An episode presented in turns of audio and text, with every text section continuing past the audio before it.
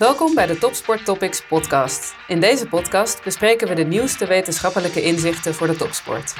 Iedere aflevering schuiven we aan bij een expert om te praten over zijn of haar vakgebied en kijken we hoe de wetenschap kan helpen bij training en prestatie.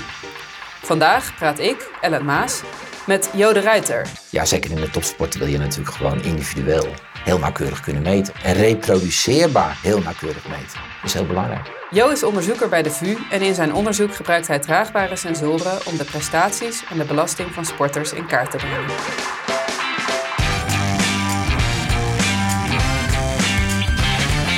Topsport Topics podcast. Jo de Ruiter, jij bent onderzoeker en docent uh, bewegingswetenschappen aan de VU hier in Amsterdam. En jij bent gespecialiseerd in spierfysiologie onder andere. En je doet onderzoek met en naar draagbare sensoren. En daarnaast ben je ook actief in de atletiek, heb ik begrepen. Dat mag je geen atleet meer noemen. ik ben nog wel actief. Als, uh, als masters. masters ah, nee, nee, dat zou, ja, ja oud, qua leeftijd wel, maar ik doe geen wedstrijden of zo. Oké, oké. Wat kwam er eerst voor jou, de atletiek of de wetenschap? Uh, de atletiek. Okay. Ja, nee, dat is uh, vanaf zeven jaar toen mocht ik nog niet op atletiek. Dat was toen nog, dan moest je eerst acht zijn. En uh, ben ik met mijn neefje uh, meegegaan.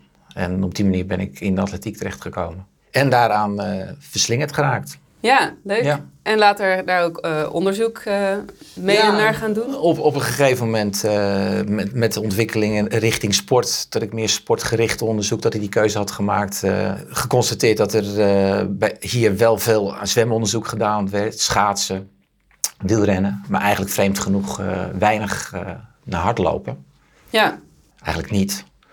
En uh, ja, toen dacht ik van, ja, dat is een, een, gat in de markt als het ware. En dat ja. is toch, hoort toch echt wel bij bewegingswetenschap iets met lopen. En op die manier ben ik daarin terechtgekomen. En dan, ja, dan, van het een komt het ander. En dan raak je ook bij, bij ander sportonderzoek betrokken. Ja, want ehm, we hebben het vandaag eigenlijk over ja, meten met sensoren en dan bedoelen we het type sensoren wat gebruikt kan worden voor, als ik het zo mag samenvatten, alles wat met rennen, springen, versnellen, afremmen, wenden en keren te maken heeft. Is dat een goede samenvatting? Ja, de, dat zijn wel de sensoren die ik uh, uh, gebruik. Je komt er vrij snel achter als je sportonderzoek doet dat ja, de setting heel belangrijk is. Hè. Je, je, kan een loopband, maar een loopband, het is al, lopen op een loopband is anders dan uh, lopen buiten. Ja. En sprinten op een loopband is uh, ja, zo ongeveer onmogelijk. Ja. Als je 15 km per uur op een loopband loopt, dan heb je al het idee dat je, dat je heel snel gaat. Ja. En dat is nog geen uh, 35 km per uur. Nee. Dus, ja. dus dat is volledig anders. Dat is volledig anders. Dus dan wil je eigenlijk het liefst meten uh, in de natuurlijke setting hè, van, van de sporter. En, en alles in een lab. Ja, fundamenteel is het handig om inzichten te krijgen, maar het bewegen buiten op een uh, voetbalveld of een hockeyveld of een atletiekbaan ja, is toch anders dan uh, in een lab. Ja, dus uh, die sensoren maken het mogelijk, als ik het goed begrijp, om de metingen die we eerst wellicht in een lab deden op een loopband of in een omgeving binnen, om dat ook buiten op het veld, op de baan ja. te doen. Bij sommige onderzoeken dan zetten ze een hele hal vol met camera's, maar dan heb je op een hele sprint uh, echt bewegingspatronen in kaart te brengen. Dan moet je om de 10 meter een camera hebben. En nou ja, dat is natuurlijk een setting die je in de dagelijkse praktijk nooit hebt. En, en ook niet van elkaar kan uh, van krijgen. Uh, dus je wil eigenlijk iets simpels hebben. en het liefst zonder stekkertjes. Ik ben allergisch voor stekkertjes, want stekkertjes, ja, dat. Ja, dan zit je vast, hè, als sporter. Dan zit je vast en dat, zijn, dat betekent ook kabeltjes en dat betekent storingen. En uh, dat wil je allemaal niet. Dus nee. je wil iets hebben dat uh, robuust is en dat het altijd doet. Ja, dus uh, jij werkt met sensoren die ja, een deel van dit soort metingen die je beschrijft met de camera's en dergelijke kunnen overnemen. Kun je uitleggen wat voor sensoren dat zijn en hoe dat een beetje werkt en wat je daarmee kunt meten? Ja, het zijn uh, dezelfde sensoren zitten ook in je smartphone bijvoorbeeld. Dat, uh, dat zijn uh, inertial measurement units, worden ze genoemd. IMU's. En ze meten versnellingen in drie richtingen. hoe hard ze ronddraaien, rotatiesnelheden in drie richtingen. En er zitten magnetometers in. En ja, daarmee kan je dus ook de oriëntatie van die sensor bepalen met software. En als je dan weet waar en hoe die op het lichaam is geplaatst, dan kan je ook eh, meten hoe de, hoe de sporter beweegt. Dus eh, kniehoeken, streksnelheden van gewrichten, oriëntaties. Ja. Ja. En wat zijn dan de belangrijkste parameters die je meet bij een sporter? Ja, dat hangt natuurlijk van de sport eh, en van de vraag af. Hè, waar je, maar ik ben dan primair begonnen vanuit het lopen. En eh, nou, lopen, dan is snelheid belangrijk. En snelheid is paslengte vermenigvuldigd met pasfrequentie. Ja. En dus als je iets aan de snelheid verandert, heb je twee mogelijkheden. Eén van die twee. Dus die wil je graag meten. En, en voor sprinten is ook een, eh, een belangrijke indicator is eh, grondcontacttijd. Dus hoe lang je, je voet aan de grond is. Want je kan alleen maar kracht leveren op het moment dat een voet aan de grond is. Dus die fase is heel belangrijk. En ja, en dan heb je ook nog.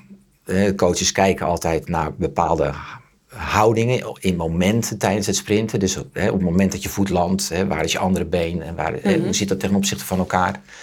Ja, en dat kan je ook heel goed meten met die sensoren.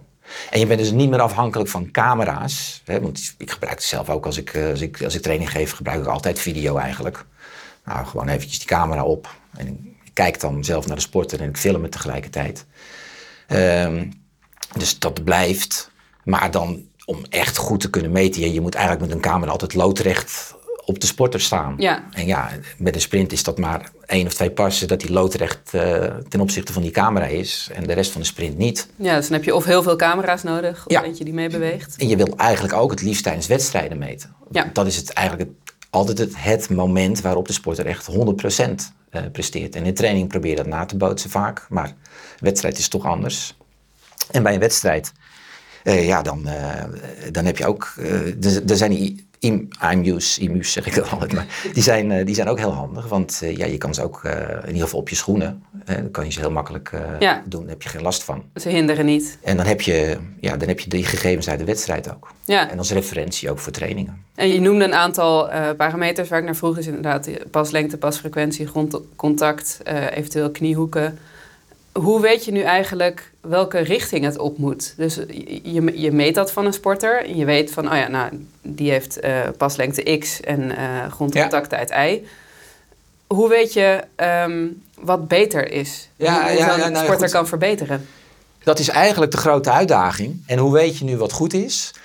Ja, dan is het toch zo. eh, in, de, in de sport wordt altijd gekeken van, nou, de, de beste atleten. Ja, Wat doen die? En eh, dat, is, dat is dan een soort van referentie, automatisch. Ja. Eh, en dan kijk je van de atleet die, die jij hebt. Ehm, met zijn beperkingen en mogelijkheden. Eh, en dan richting het, eh, het ideaalplaatje. Ja, dus- En daarbij aantekenend dat ook in iedere sport de, de beste atleet niet per definitie ook de, de, de beste techniek heeft. Al- als je al kan spreken van de beste techniek. Ja, Het is in ieder geval een, voor die atleet, als je Olympisch kampioen wordt, kan je zeggen van nou, die beweegt dan ook behoorlijk optimaal waarschijnlijk. Want anders zou je geen Olympisch kampioen worden. ja. Maar het is wel altijd gekoppeld aan een atleet. ja, het is de, de beste techniek voor die sporter op dat moment. Ja, ja. En, en dan, dan is het En ook nog onzeker of het echt de beste techniek is. Want misschien kan het, eh, kan het nog wel beter. En daar hopen sporters natuurlijk altijd op. Dus je kijkt. Eh, en en voor, voor sprinten is er natuurlijk. En er zijn de meningen ook wel over verdeeld. Hè. Wat is nou ideaal?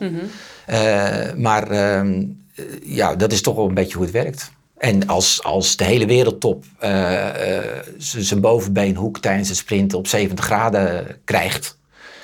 En jij traint een atleet en die zit op 60 graden. Ja, dan, dan is het toch wel. ligt het voor de hand om te denken van nou, misschien moeten die knieën wel ietsje hoger. Ja, misschien moeten we toch naar die 70 toe. Ja, maar tegelijkertijd heb je daar ook weer fysieke capaciteiten voor nodig. Ja. Hè? Want je kan wel zeggen van de wereldtop bij de vrouwen sprint met een paslengte van 2,20 of eh, hè, zoiets. Ook afhankelijk van lichaamslengte. Maar ja, als jouw atleet niet het fysieke vermogen heeft.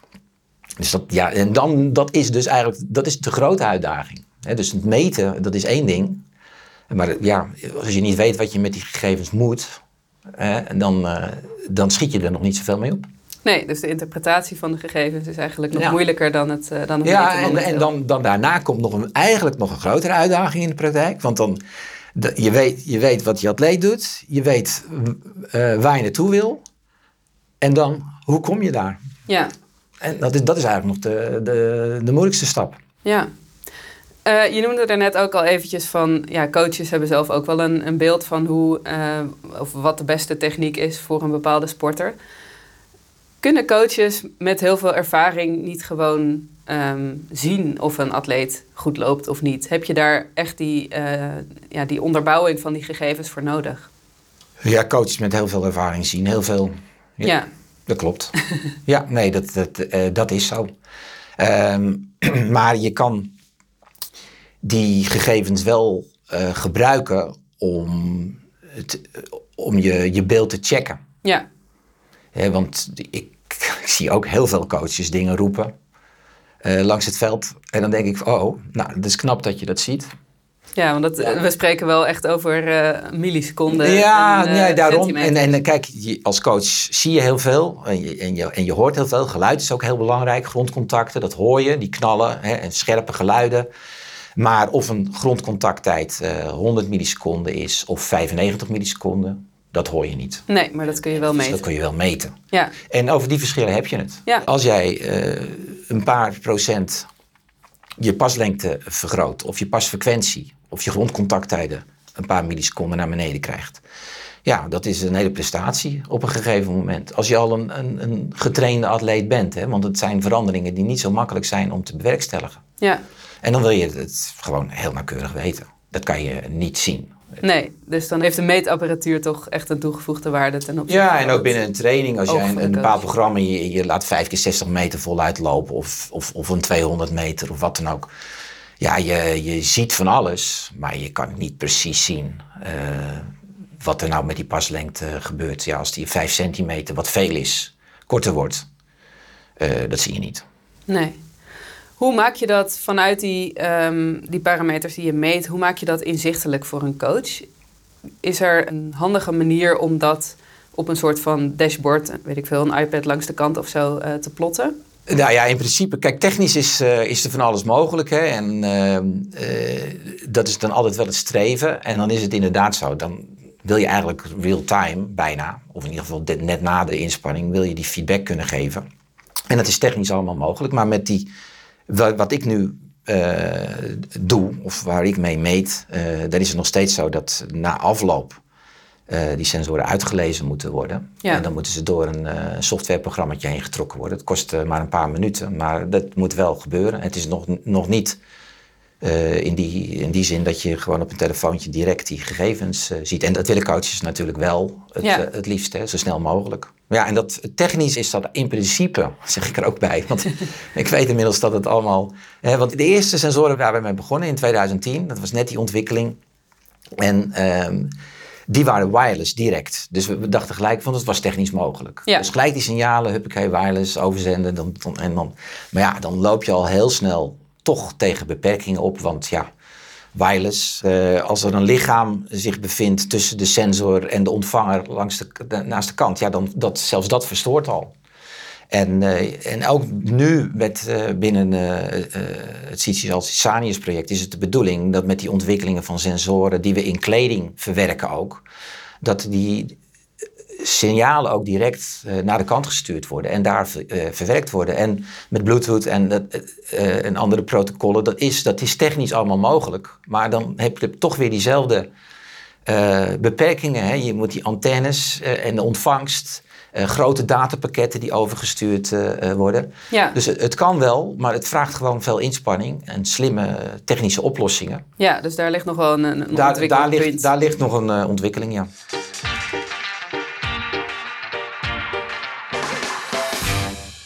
Dat uh, Citius Altius Sanius project, um, daar wil ik nog wel ietsje meer over weten.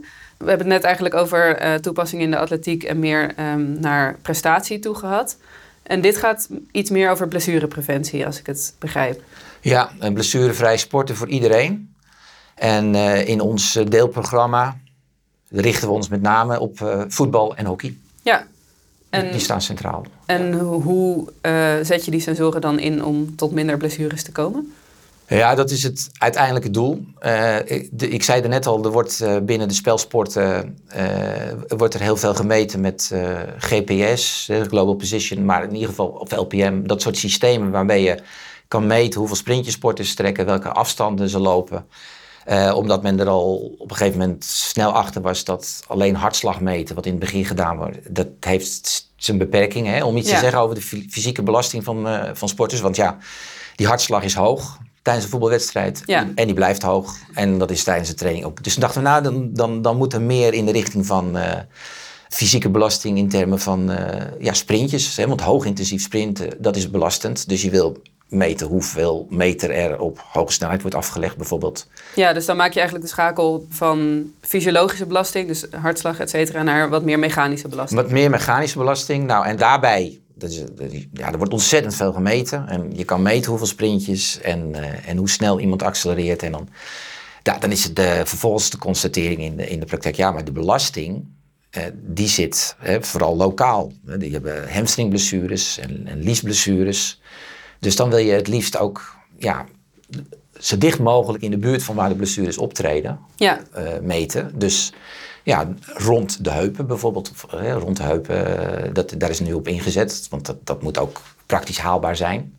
Hè, de sensoren op de onderbenen, dat is met, met sporten niet, niet handig. Ook al zitten ze in kleding verwerkt, het moeten korte broeken zijn. ja, Eh, en en dan, ja, dan, dan is de, de bovenbenen, die zijn dan de, een, een slimme plek om, om in kleding te verwerken. Ja, dus eigenlijk meet je broek hoeveel eh, inspanning je levert tijdens Ja, een nou ja, training. dan heb je natuurlijk nog wel, dan moet je daar maten voor, eh, voor hebben. Hè? Want eh, binnen, het, binnen de spelsporten, d- er werd daar al iets vergelijkbaars gedaan. met een AMU ook op de rug meestal. Die zit dan in hetzelfde, in hetzelfde vestje waarmee ze ook de verplaatsing van de spelers meten. En dan de, de- hadden ze een maat player load, die wordt dan vaak gebruikt. Dat geeft eigenlijk aan hoe hard die sensor op en neer schudt. Nou, en dan, dat wordt dan opgeteld en eh, van alles en nog wat mee gedaan. En, nou, en, maar dat blijft ook nog een hele globale belasting. En rond de gewrichten meten zit je gewoon dichter in de buurt van eh, waar het probleem mogelijk eh, zit. Maar ook daarvoor geldt weer, je kan het meten. En als we het over blessurepreventie hebben, dan denk ik eerlijk gezegd dat de, de grote uitdaging vooral ook aan de kant zit van de belastbaarheid van de sporter. Ja, En, want blessure, om- of in ieder geval overbelastingsblessures, dat is altijd een, een afweging tussen belasting en, En belastbaarheid. belastbaarheid. En daar ligt dus de uitdaging. Want dat verschilt per speler, maar het verschilt per spe- eh, binnen een speler ook. Varieert het over het seizoen. Want als je al een keer geblesseerd geweest bent, dan is eenzelfde belasting. Eh, vergeleken met voordat je geblesseerd was, is relatief toch veel zwaarder. Hè? Dan zit je toch eh, dichter waarschijnlijk tegen de grens aan van opnieuw geblesseerd raken. Dan voordat je eh, terug moest komen van die blessure. En, en dus in alle eerlijkheid denk ik ook van ja, je kan heel veel meten, maar de belasting van de sporter op dat moment, of van het team, en, en zeker de, de, verschillen daartussen, ja, dat, daar ligt echt, eh, denk ik, de grote uitdaging. Maar goed, eh, misschien kan je die eh, sensoren ook op een gegeven moment eh, inzetten eh, in het meten van de belastbaarheid. Als, dat, ja, je, je weet nooit waar, waar de ontwikkelingen heen gaan, maar dat zou mooi zijn als je iets zou eh, kunnen ontwikkelen in die richting. Ja, deze sensoren die ik gebruik, die worden ook gebruikt om iets te zeggen over de belastbaarheid van sporters. Hè. En het idee, eh, de, de readiness wordt het ook wel eh, genoemd. Dat kan dus aan het begin van de training eh, bijvoorbeeld een paar sprongetjes laten maken. Ehm, en ik, ik heb zelf wel eens gedacht, want in de atletiek een goede vorm is, is een kaatsprongjes. Hè, dus als een atleet vers is, zeg maar, en niet vermoeid, en dan is hij in staat om met hele korte grondcontacten als een stuiterballetje op en neer uh, te springen. En Ja. als er sprake is van vermoeidheid of van pijntjes, dan, dan, dan zou je dat terug moeten zien in zo'n soort uh, test. In combinatie met het alert zijn op, uh, op ja, tekenen van beginnende overbelasting. Ja. Jij ontwikkelt die sensoren zelf, of in ieder geval. Nou ja, nee, ja, dat is wel even. Ze zijn speciaal voor jou ontwikkeld, Nou, laat ik ja, het ja, ik maak er gebruik van, ja. We hebben hier natuurlijk ook de, allerlei technische mensen die daar, uh, daarvoor verantwoordelijk zijn. En, en, en, en in die ontwikkeling spelen studenten ook een belangrijke rol. Die uh, telkens met hun stages daar uh, de Ja. ontwikkelingen weer verder brengen. Dus er zijn er al tientallen geweest in de afgelopen tien jaar. Ja, nou, dan zou ik het anders verwoorden. Ze zijn hier op de faculteit ontwikkeld. Er zijn natuurlijk ook heel veel eh, commerciële sensoren of meetsystemen beschikbaar. Ja. Ehm, Zou je coaches aanraden om voor maatwerk te kiezen of liever voor iets wat al eh, ja, wat je gewoon in de winkel kunt kopen? Nou ja, als je iets in de winkel kan kopen en het, uh, het, en het meten wat het moet meten. En, je, en je, je, weet, je bent als coach overtuigd van dat het meten wat het moet meten. En dat het ook kleine veranderingen kan meten. Uh, ja, zelfs als daar een, een, een fout in zou zitten, Stel, je wil grondcontacttijden meten. Ja. En, en, en, en, eh, een meetinstrument uh, zit er, uh, ja, die overschat die grondcontacttijd met 10 milliseconden. Ja. Dan is dat op zich nog niet erg. Als het maar consequent die 10 ja, milliseconden zijn. Als het consequent die 10 milliseconden is. Dus heel veel uh, van deze sensoren, die waren ook 15 jaar geleden al in footpods verwerkt. Hè? Dus die je op je schoenen kon, kon doen. Of en één schoenen uh, zijn ze verwerkt. Er zijn allerlei, uh, in de sportschool allerlei apparaten waar ze in zitten, waarmee je de versnelling van haltestangen kan meten. Ja. Uh, dus ja, dat is in principe, hoeft daar niet iets mis mee te zijn. Wij gebruiken voor onderzoek ook wel eens sporthorloges met bepaalde apparatuur erin. maar ja, je moet wel zeker weten dat het meet wat je wil meten. Ja, en daar zie ik ook met snelheidsmeten in de atletiek. Er zijn ook wel systemen ja, en daar weet je gewoon van, daar zit heel veel variatie in. Ja, omdat je niet zeker weet of het meet wat je wil dat het meet en of het nauwkeurig genoeg is, dat, dat is wel een belemmering voor uh, het gebruik daarvan. Dat, dat is in ieder geval nou, voor, voor, voor, in ieder geval voor wetenschappers. Want wij willen in ieder geval weten wat we meten. Ja. En we willen daar controle over hebben. En ja, met een commercieel apparaat, daar, dat is een black box. Ja, dus dat wil zeggen, je weet niet wat er, hoe die uh, waarde die je op je nee, horloge je krijgt, je krijgt dan, dan heb je dus een sexy displaytje. Hè, mhm. En dan, dan werkt dat allemaal prima. Tenminste, dat mag je hopen als het commercieel op de, op de markt is. En dan komt er een getalletje uit. Maar je wil weten hoe dat getal tot stand komt. En daar zitten allerlei filtering, uh, aannames, uh, vage algoritmes komen eraan te pas. En voor grote groepen kom je dan vaak in ieder geval, hoop je dan op uh, het goede getalletje, gemiddeld genomen. Ja. Maar ja, zeker in de topsport wil je natuurlijk gewoon individueel heel nauwkeurig kunnen meten. Omdat een paar procent, ja, daar heb je het, over die marges heb je het. Dus dan is heel nauwkeurig meten. En reproduceerbaar heel nauwkeurig meten is heel belangrijk. Ja. Waar denk je dat het in de toekomst naartoe gaat met uh, het meten met draagbare sensoren? En welke ontwikkelingen kunnen we verwachten binnenkort? Nou, die ontwikkelingen die zijn al bezig in die zin van, hè, wij zijn dus binnen het kastproject, uh, vertelde ik al, ook bezig samen met Delft, is dat om die uh, sensoren in de kleding uh, te verwerken. Dat, dus daar zijn ook prototypes van. Um, die sensoren worden steeds dunner, kleiner, flexibeler. de batterijtjes worden beter. Hè. En daar wordt ook gewerkt en het automatisch weer opladen van batterijtjes uh, tijdens bewegen. Want bewegen is energie en die energie kan je dus ook weer gebruiken ja. om de batterijtjes dus op te je, laden. Je kunt straks zelf je broek opladen die vervolgens weer meet Ja, Ik zit ook te denken van, kijk, die materialen worden flexibeler, dus het wordt steeds makkelijker om het in kleding uh, te verwerken. En je kan ook, uh, ja, het de, zonnecellen in je kleding om ze weer automatisch op te laden. Ja, technisch wordt er steeds meer mogelijk. Um, ja, en in hoeverre dat zich gaat doorzetten, die slimme kleding, in, uh, in het gebruik in de sport. Uh, ja, dat zal de toekomst uh, leren. Nou, mooie ontwikkelingen. Ik kijk er in ieder geval naar uit. dankjewel Jo voor je tijd en voor je duidelijke verhaal. En um, wil je nog meer weten over wetenschap in de topsport? kijk dan op www.topsporttopics.nl en volg ons op social media. Topsport Topics, de schakel tussen wetenschap en sportpraktijk.